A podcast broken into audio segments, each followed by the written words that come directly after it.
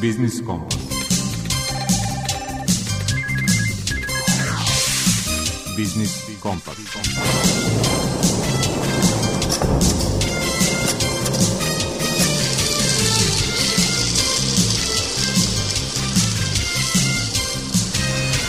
Pred mikrofonom je Đuro Vukilić. Dobar dan, poštovani slušalci. Prvi aprilski biznis kompas ćemo, kako i dolikuje početku meseca, započeti s osvrtom na prethodne mesece.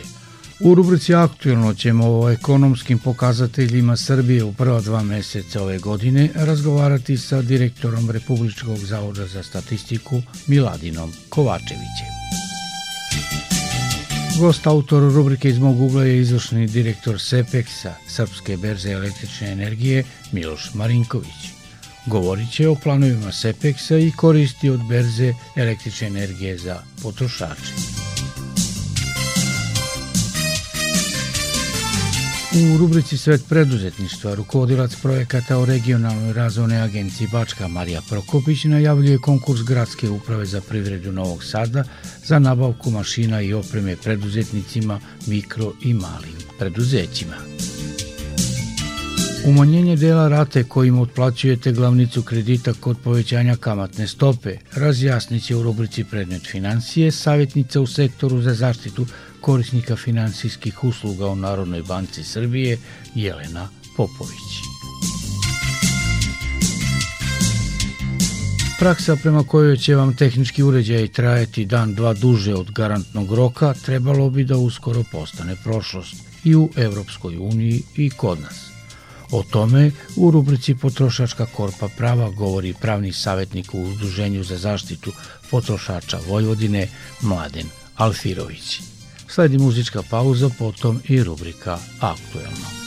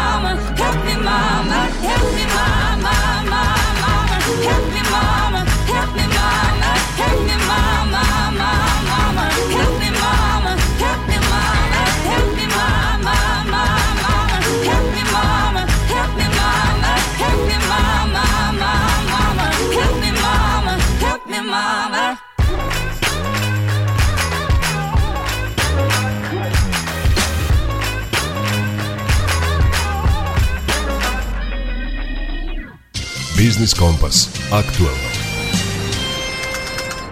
U prva dva meseca ove godine izvoz meren u evrima je porastao za 17,9, a uvoz za 2,7 od 100. To je doprinelo i u ravnoteženijem spoljnotrgovinskom bilansu. Čemu možemo da zahvalimo za takav rezultat, pitali smo direktora Republičkog zavoda za statistiku Miladina Kovačevića. To je povezano i sa strukturom proizvodnje. Mislim, mi inače imamo jedan rast izvoza koji beležimo tokom cele prošle godine i koji je nadmašivao stopa rasta izvoza je nadmašivala stopu rasta uvoza. Iako smo imali intenzivan uvoz iako smo imali intenzivan uvoz energenata, odnosno rast ukupne spoljnotrgovinske rasmene je rastao ponajviše zahvaljujući s jedne strane i rastu izvoza, intenzivnom rastu izvoza, s druge strane rastu i uvoza, zahvaljujući zbog, zbog uvoza, odnosno zbog povećane cene energenata, pa samim tim u novčanom izrazu rast i uvoz. E sad, u ova prva dva meseca imamo značajni rast izvoza, tu imamo i rast proizvodnje recimo struje, pa se onda struja izvozi u ovom kvartalu kako bi se u stvari održala, održao bilans jel da, proizvodnje i potrošnje električne energije, jel da on viškovi se izvoze pa se posle ako kada, kada je proizvodnja manja nego potrebe uvoza i tako dalje, to je, kako da kažem, standardna dinamika bilansiranja potrošnje električne energije koja uključuje znači proizvodnju i izvoz i uvoz. Za razliku od izvoza koji, rekao smo, rastao u stopi od 17,9%, industrijska proizvodnja je rasla za mnogo skromnih 1,9%. Može li taj skromni rast industrijske proizvodnje da ugrozi izvoz u narednim mesecima? Industrijska proizvodnja je naravno najvećim delom e, orijentisana na zadovoljanje potreba tržišta u zemlji. Naravno, takođe ona značajnim delom učestvuje u proizvodi dobra za izvoz, odnosno viškove izvozimo. Ali ne može se govoriti, kako da kažemo, najdirektnije u povezanosti dinamike industrijske proizvodnje i dinamike spoljnotrgovinske razmene. Ako govorimo naravno o brojevima, to je so stopama. Tako da industrijska proizvodnja je, možemo reći, u tekućem kretanju oporavilo se od januara meseca kada je imala jedan zastoj, a to je obično tako u januaru mesecu, tada su, kako da kažemo, odmori, neki početak godine, zimski period i tako dalje. Dakle, u februaru i martu mesecu došlo oporavka i sada u februaru mesecu beležimo rast, u februaru mesecu beležimo tekući rast da se zoniranom indeksu od 1,8% u prerađivačkoj industriji, a u ukupnoj industriji rast od 2,6%. Na nivou cele godine, u međugodišnjem, da kažem, periodu, industrija ukupno je porasla znači za prva dva meseca 3,1%, prerađivačka industrija je pala za nekih 1,7%, u februaru mesecu prerađivačka industrija, odnosno februar prošle godine pala za nekih 3,7%. Kompenzacija je došla iz snadevanja električnom energijom, gasom, parom i klimatizacija. Dakle, to je oblast gde je u stvari proizvodnja električne energije, gde smo imali proizvodnju iznad potreba, iznad potrošnje u zemlji i to je ono što je dalo rast ukupne industrije za 1,9% ali prerađivačka industrija je, moramo reći, u, na jednom opadajućem trendu, ali taj opadajući trend je posledica, naravno, okolnosti u kojima se nalazi cela ekonomija Evrope, naročito ove zapadne i srednje Evrope. Mi smo naravno vezani za tu Evropu i spoljnotrgovinskim aranžmanima i kapacitetima, odnosno investicijama i, i poslovnim kapacitetima koji ovde kod nas zemlji proizvode određene delove ili određene komponente finalnih proizvoda koji idu dalje na tržište Evrope ili na druga tržišta, ali sve to zajedno je posledica sada jednog recesivnog neću reći trenda, ali nečega što nagoveštava moguću recesiju u ekonomije u celoj eurozoni u krajnjoj liniji, a kaže mi smo vezani za evropsku industriju. Posle rekordne 2022. godine turizam i u ovoj početkom ove godine beleži zapažene rezultate, opet nam se smeši neki novi rekord. Koliko devizni priliv od turizma i sektora izvoza usluga može da kompenzuje ipak relativno visok spoljnotrgovinski deficit zemlje? Spoljnotrgovinski deficit nije veliki problem. On još uvek nije, da kažemo, neki deficit koji se može tretirati kao opasan u smislu rizika, eksplozije i prelivanja na budžetski bilans, na spoljni dug i tako dalje. Dakle, on ne proizvodi, kako da kažemo, to jeste neravnoteža u smislu u 2022. je jači deficit nego deficit u 2021. ali to je zato što je došlo do e, u valutnom izrazu povećanja uvoza energenata. 1,3 milijarde evra je potrošeno za razliku od nekih, ne znam, negde manje od pola milijarde u prethodnoj godini. Dakle, značajno je povećanje na toj strani, ali taj deficit ne možemo smatrati za sada razobručenim ili, kako da kažemo, neuravnotežim, nekontrolabilnim ili opasnim u smislu pritiska na rast duga, odnosno učešća duga u bruto domaćem proizvodu, performansi servisiranja duga, sagledanih recimo kroz stopu servisiranja duga ili, ili drugačije. Šta će biti najveći izazovi po makroekonomiju Srbije u narednim mesecima i do kraja godine? Inflacija je najveći izazov, naravno, ali nažalost inflacija nije nešto što mi možemo kako da kažemo, se potpunosti kontrolisati možda samo donekle i do sada smo donekle kontrolisali, ali dve trećine i više od dve trećine inflacije se preliva iz okruženja, iz spoljnog okruženja, mislim pre svega na eurozonu i na euroizirana tržišta evropska. Dakle, mi smo deo tog velikog euroiziranog tržišta evropskog i na nas se, da kažemo, ta opšta inflacija preliva. Naš sagovnik bio je direktor Republičkog zavoda za statistiku Miladin Kovačević. Miladine, hvala za razgovor i za izdvojeno vreme. Hvala vama.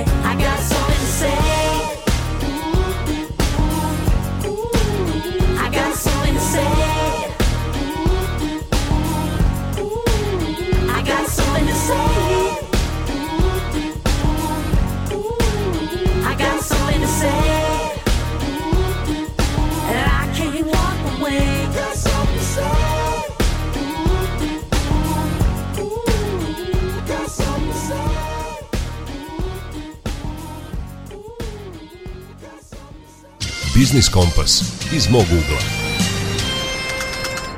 Gost autor današnje rubrike iz mog ugla je izvršni direktor SEPEX-a, Srpske berze električne energije, Miloš Mladenović. Govorit će o sadašnjosti i budućnosti Srpske berze električne struje i koristima koje pruža i proizvođačima i potrošačima električne energije. Berza električne energije u Srbiji je osnovana 2015. godine kao rezultat strateškog partnerstva srpskog operatora prenosnog sistema elektromreže Srbije i najveće berze električne energije u Evropi Epex Spot i sa operativnim radom je počela u februaru 2016. godine. E, ono što je zanimljivo e, reći je i što možda šira javnost ne zna je da je taj poslovni model e, srpskog danu napred tržište implementirano u skladu sa najboljom evropskom praksom, kako u pogledu platforme za trgovanje gde se koristi Apex Spotova platforma ETS kao u svim ostalim zemljama Zapadne Evrope, tako i ono što je možda još i važnije sa stanovišta funkcije clearinga i finansijskog poravnanja, gde se kao centralna ugovorna strana pojavljuje najveća evropska klinička kuća European Commodity Clearing sa sedištem u Leipzigu,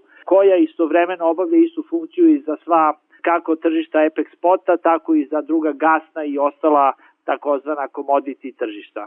To je verovatno bio i najveći izazov u uspostavljanju SEPEX-a gde smo mi praktično srpski finansijski okvir uspeli da harmonizujemo i integrišemo u taj, da kažem, pan-evropski klinički okvir, što je opet dalo naravno na snazi SEPEX-u i u stvari bila jedan od osnovnih kamena temeljaca za ovako uspešan rad SEPEX-a u proteklim godinama.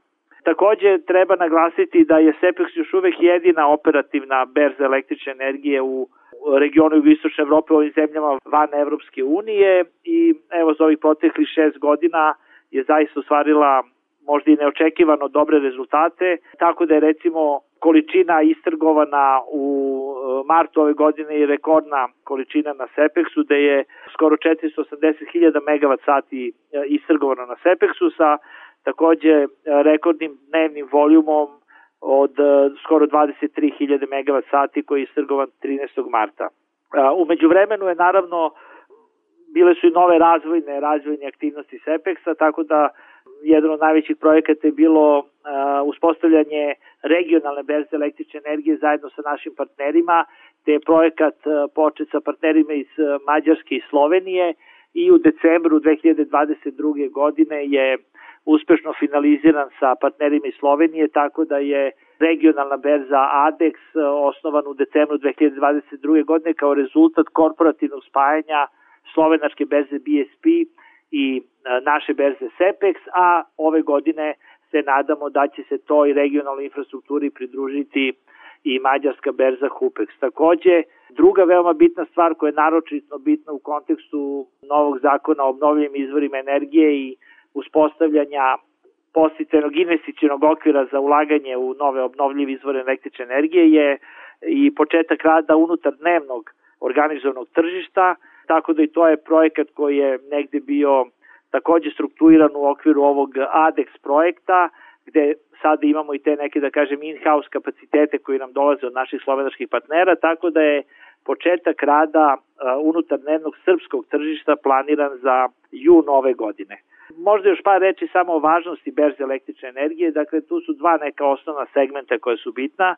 Prvi svakako možda i najbitniji ovim novim uslovima je pružanje relevantne referentne cene, dakle kao referentna cena ne samo za bilateralnu trgovinu, već i u nekim drugim e, tržišnim segmentima se koristi cena sa danu napred tržišta i mi smo evo uspeli da uspostavljanjem likvidnog srpskog danu napred tržišta pružimo tu referentnu cenu koju kažem ne koristi se samo na tržištu električne energije već u skladu i sa novim tendencijama i novim market dizajnom koji je negde praktično i definisan početkom ove godine od strane Evropske komisije, ta cena će biti naročito bitna kod sklapanja novih dugoročnih ugovora o otkupu za obnovljive izvore energije, jer naravno poznato je da je vreme starih posticenih mera kroz feed-in tarifu je završeno, tako da je kompletan novi posticeni okvir će se bazirati ili na takozvanim finansijskim ugovorima o razlikama koji su ostali kao jedina mera posticaja koje države mogu da pruže novim investicijama ili ono što će biti dominantno kroz sklapanje dugoročnih takozvanih merchant ili corporate PPA ugovorima gde praktično obnovljivi proizvođači iz obnovljivih izvora energije sklapaju direktne ugovore ili sa kupcima ili sa nekim drugim učesnicima na tržištu i ti ugovori su takođe ti takozvani finansijski CFD ugovori gde se kao relevantna referentna cena koristi cena sa spot marketa. Dakle, važnost berze električne energije zaista višeznačna i još dobija naravno na snazi sa ovim novim regulatornim izmenama i novim regulatornim okvirima, a sa naše strane naravno mi ćemo se potruditi da SEPEX i dalje bude jedan vrlo bitan, bitan aspekt i kamen temeljac u pružanju te robustne referentne cene, a sa druge strane takođe i u, i u kompletnoj sigurnosti trgovine na spot marketu kroz kao što je rečeno, uvođenje European Commodity Clearing najveće evropske klirinške infrastrukture kao finansijske centralne ugovorne strane.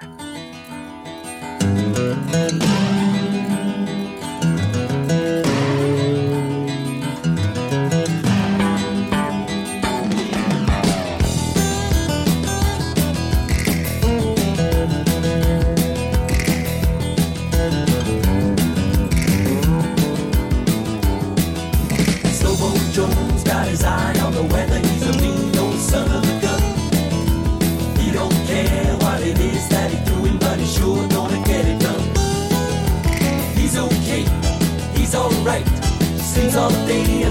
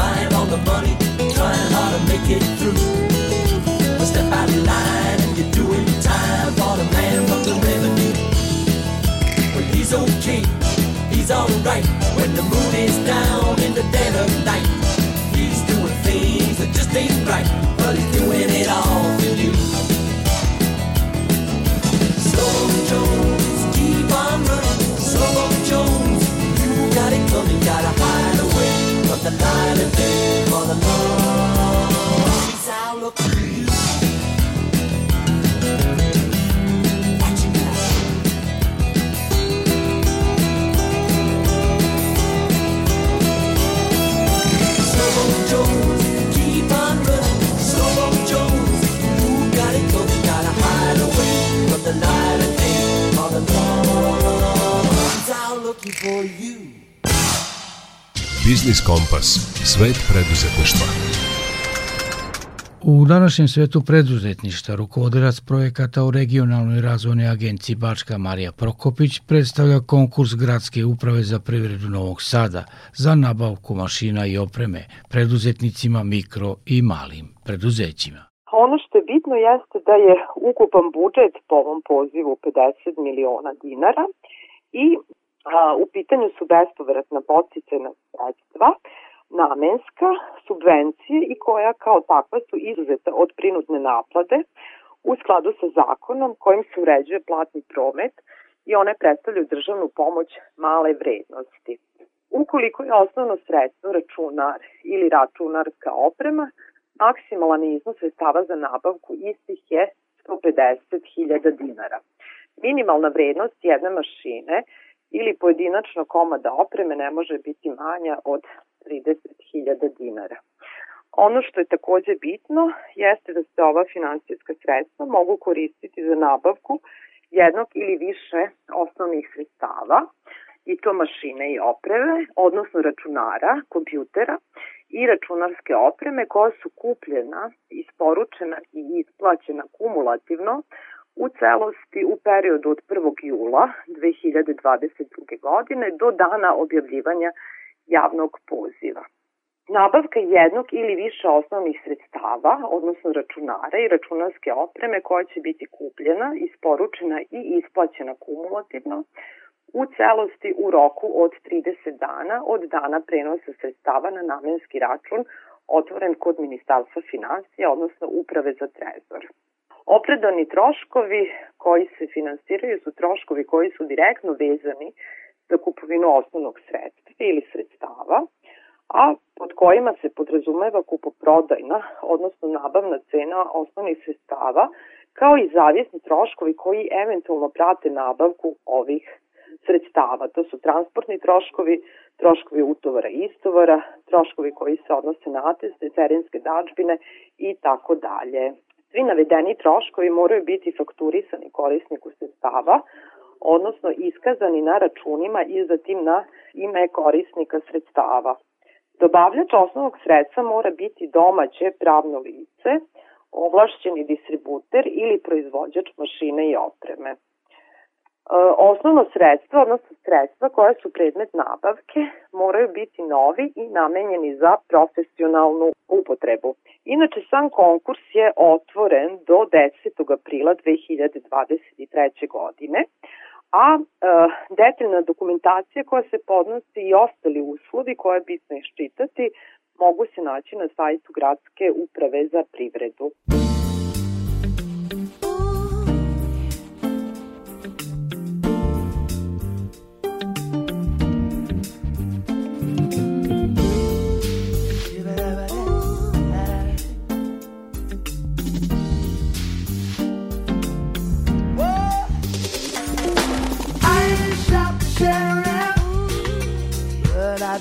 Not no deputy.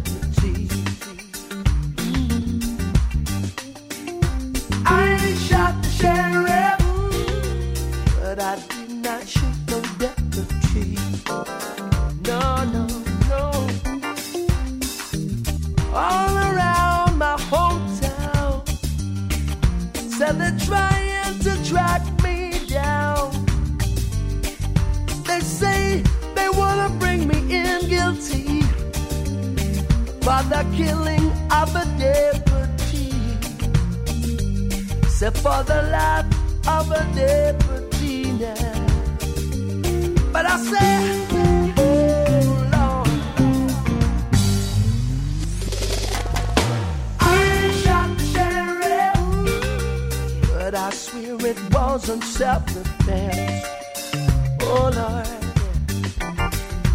I shot the sheriff. Is a capital offense.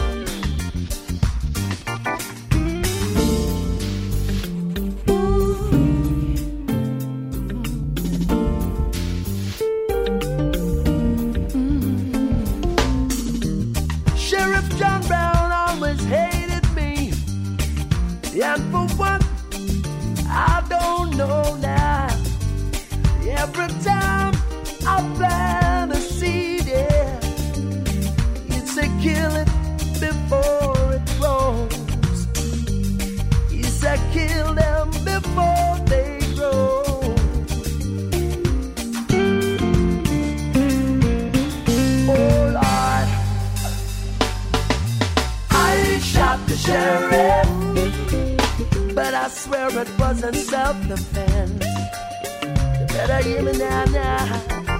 It was I who shot the sheriff. And I swear it wasn't self-defense.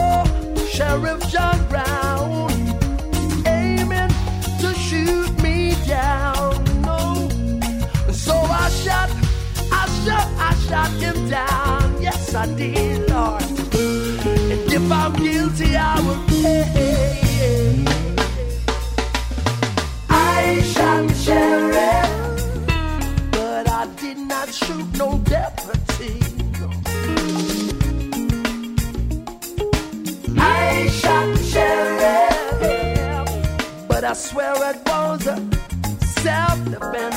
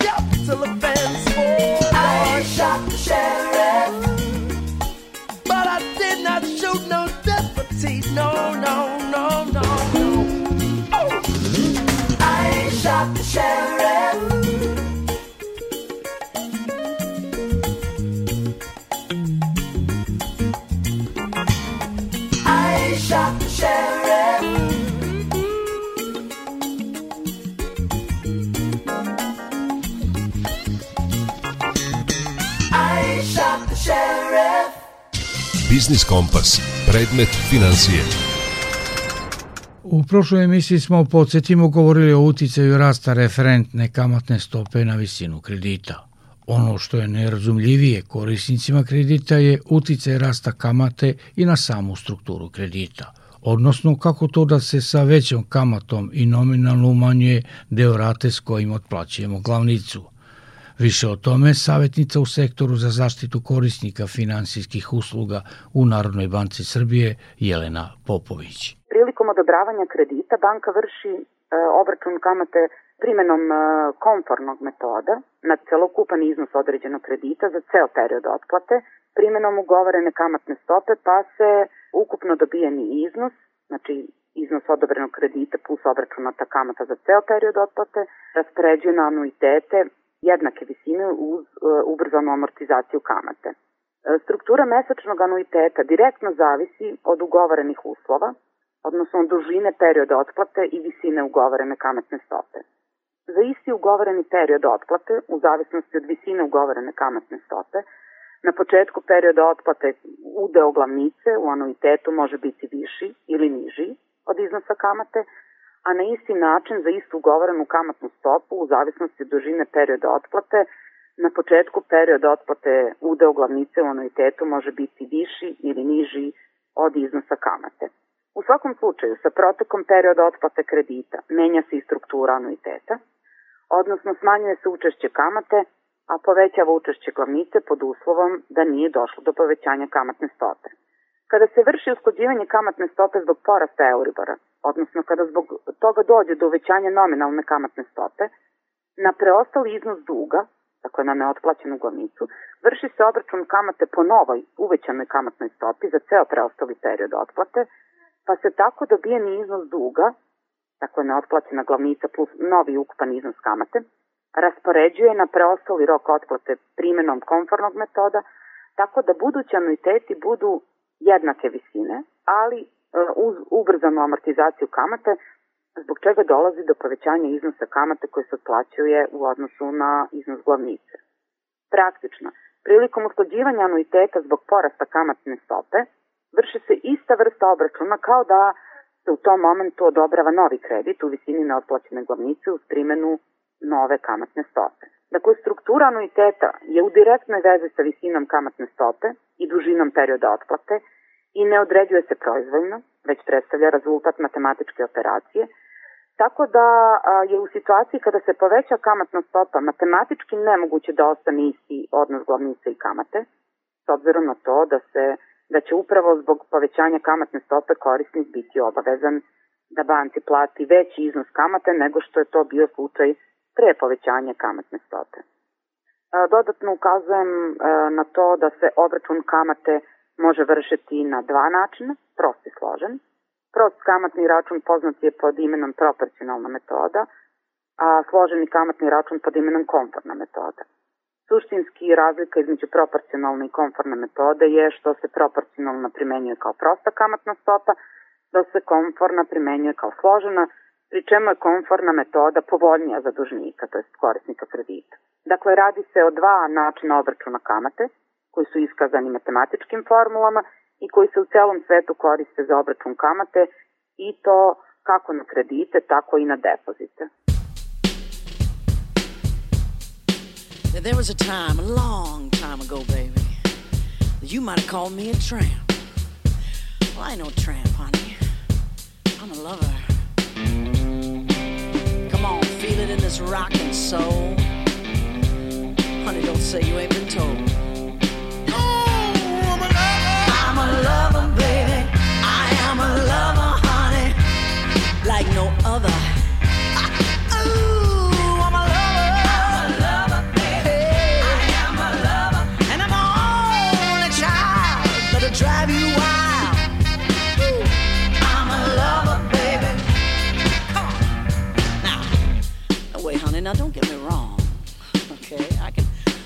Can prove this to you all night long. Now come on, baby, come on and hold me tight.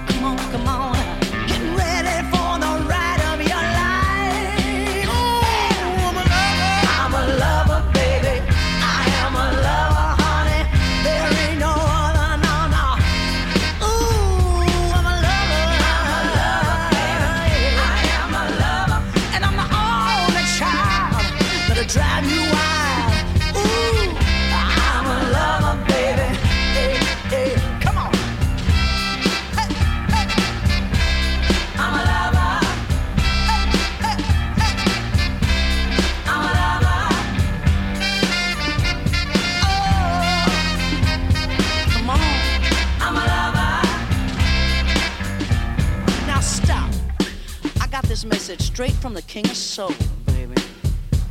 His name is Otis, and he wants you to know.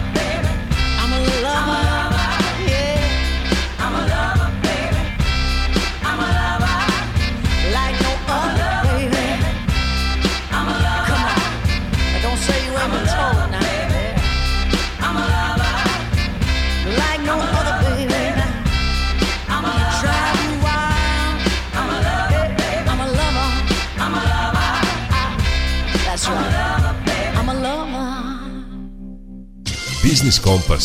Potrošačka korpa prava. Za potrošače odlična vest. U Evropskoj uniji je usvojen zakon prema kom će biti zabranjena proizvodnja uređaja sa ugrađenim kvarovima i programiranim zastarevanjem odmah posle garantnog roka. Pojedinosti Mladen Alfirović. Odbor za zaštitu potrošača i unutrašnje tržište Evropskog parlamenta izglasao je predlog zakona o zabrani ugrađenih kvarova i programiranog zastarevanja proizvoda. Taj zakon je postao deo zapravo nove evropske direktive e, koja se tiče jačanja položaja potrošača u takozvanoj zelenoj tranziciji. A naime, jedno veliko istraživanje koje je sprovedeno na nivou Evropske unije pokazalo je da čak 94% građana smatra da su uređaji koji su proizvedeni pre 20 godina trajali znatno duže od onih koji su nekog novijeg roka proizvodnje. Čak i neke ekološke organizacije koje su se bavile ovom temom, koje su analizirale strukturu na, na deponijama bele tehnike, otkrile su to da, da gotovo 90% tehničke robe i bele tehnike koje se može naći na, na deponijama nije starije od 5 godina. I prvenstveno zbog zaštite životne sredine, a onda i zbog uh, izuzetno negativnih reakcija potrošača na nivou Evropske unije usvojen ovaj propis. Takođe, ono što se pokazalo u praksi jeste da se uređaji najviše kvare između druge i treće godine korišćenja. Svima je dobro poznato da zakonska garancija u Srbiji, ali u Europskoj uniji traje dve godine. Dakle, tu negde kad prođe te dve godine između druge i treće, najčešće dolazi do tih kvarova i ono što je poseban problem jeste što proizvođači rezervnih delova nemaju obavezu da rezervne delove obezbede i nakon tog perioda u kom odgovaraju za saobraznost, a to je dve godine. Dakle, neki na taj način se bore protiv konkurencije i nude neke duže rokove, nude komercijalne garancije od 5 godina, ali njih zakon obavezuje da rezervne delove imaju samo za dve godine.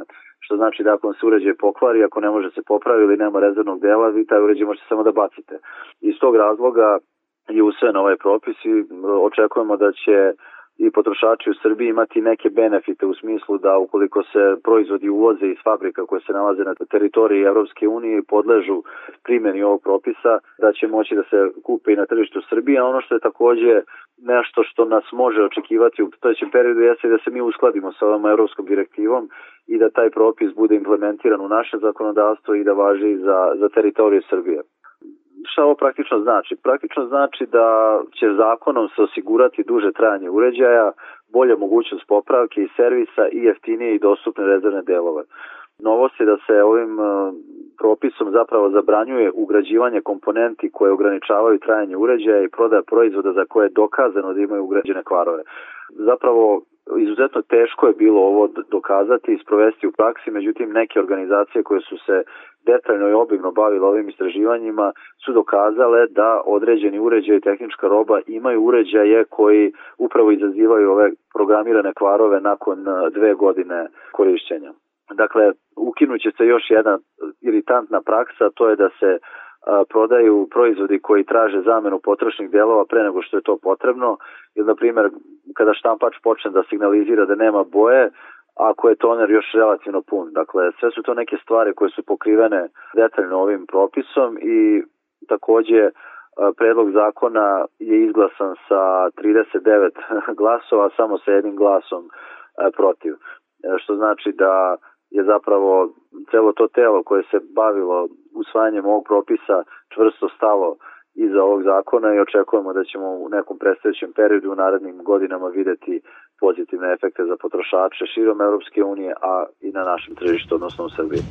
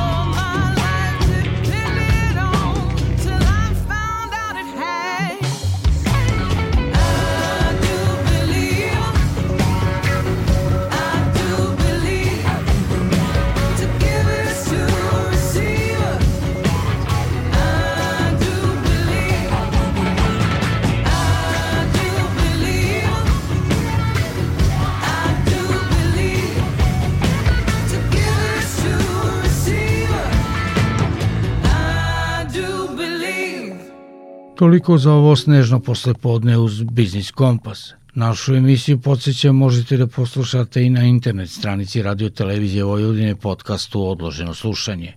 Muzički urednik Zoran Gajinov, ton majstor Damjan Šaš i urednik emisije Đuro Vukelić vam žele ugodan nastavak dana uz Radio Novi Sad. Zdravi bili i čuvajte se. Tell me